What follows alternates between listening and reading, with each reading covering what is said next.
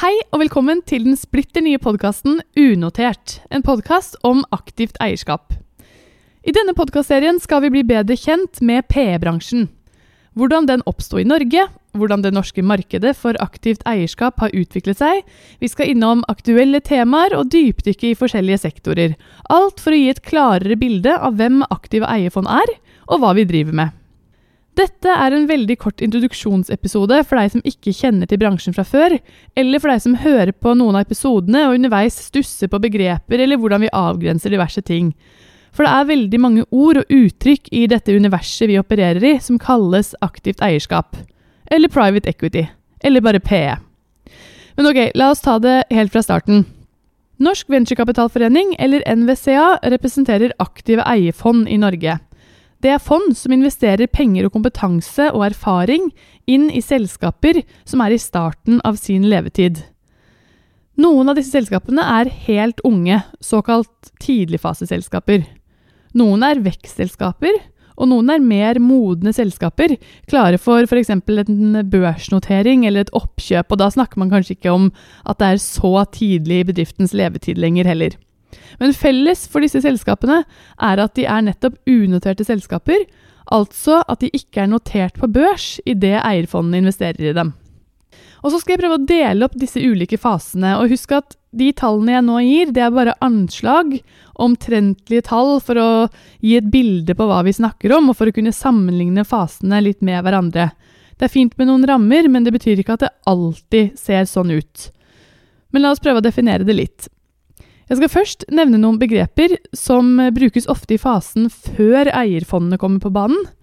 For da snakker vi ofte om at selskapene får kapital fra f.eks. såkalte engleinvestorer, eller enkeltpersoner som investerer i ideen din, eller fra crowdfunding, eller såkalt folkefinansiering, der små summer fra mange privatpersoner blir til betydelige summer for selskaper som er helt i tidlig fase. Eller man kan få støtte fra ulike statlige ordninger, f.eks. lån fra Innovasjon Norge.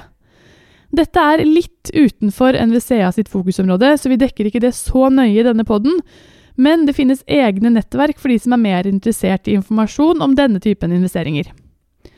Men på fondsnivå så snakker vi altså om såkornfase, tidligfase og oppkjøpsfase. Og fondet som investerer i de aller yngste selskapene, kaller vi såkornfond, eller seed fund.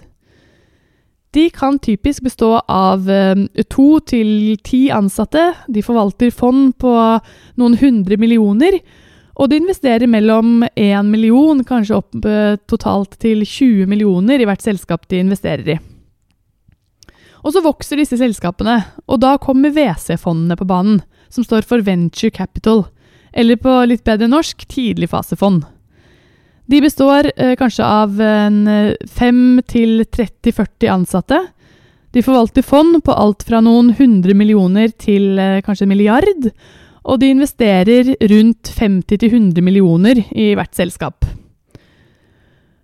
Og da begynner selskapene å bli mer modne bedrifter, vekstbedrifter med mange ansatte og etter hvert en solid omsetning, og da bruker vi ofte begrepet growth eller vekstfond.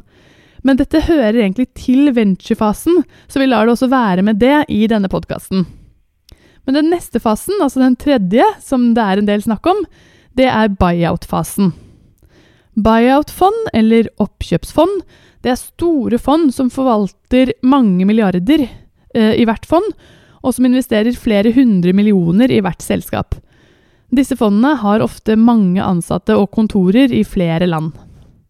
Så altså såkornfase, tidligfase og oppkjøpsfase. Og så lurer du kanskje på noen andre begreper om de ulike fasene som også eksisterer i startup-miljøet, som serie A, B og C. Og for enkelhets skyld så kan vi si at serie A begynner på såkornstadiet, eller tidlig på tidligfasestadiet, og så beveger det seg opp i takt med de andre begrepene jeg har introdusert men disse bokstavene angir oftere nummeret på en fundingrunde, um, altså en kapitalinnhentingsrunde, uh, som én, to eller tre, uh, enn nøyaktig hvilken fase uh, du hører til. Men i denne podkasten prøver vi å holde oss til såkorn, venture og buyout-begrepene. Så disse fondene, som utgjør private equity-bransjen i Norge, eller aktive eiefond, de dekker en rekke ulike faser av bedriftens levetid. Men felles for dem alle, i tillegg til at de investerer i eh, unoterte selskaper, det er at de er aktive i utviklingen og veksten av selskapene. Mange av fondene er startet av mennesker som selv har vært gründere og startet selskaper, som nå ønsker å dele sin kompetanse. Eller det kan være mennesker med mye ledererfaring innenfor endringsledelse og forretningsutvikling, og de ønsker å være delaktige i utviklingen av andre selskaper. Disse eierne sitter ofte i styrene i selskapene og er med som rådgivere og støttespillere. Det ble f.eks. veldig tydelig i koronasituasjonen, da mange selskaper måtte omstille seg fort og forberede seg på krisetider. Og da var det hektisk ute i eierfondene med å bidra inn med støtte og kompetanse fra folk som har gått gjennom eh, kriser før. Og selv om det er litt tidlig å evaluere hvordan vi kom oss ut av korona, så eh, gikk det relativt greit med bransjen vår i 2020. Og vi skal høre mer om aktivitetsnivået i bransjen, om utviklingen av det nye næringslivet, om tall og fakta for verdiskaping i episodene som kommer, men vi lar det være med dette for nå. Og hvis dere har noen spørsmål eller stusser på noe underveis, så er det bare å ta kontakt med oss, så skal vi svare så godt vi kan. I 2021 er Norsk Venturekapitalforening 20 år, og vi ønsker at dette skal være året da mange flere blir kjent med bransjen for aktive eierfond. Det er viktig for en bransje i vekst, eh, og en bransje som har veldig høy aktivitet. Og ikke minst en bransje som har en viktig rolle i utviklingen av morgendagens næringsliv. God fornøyelse!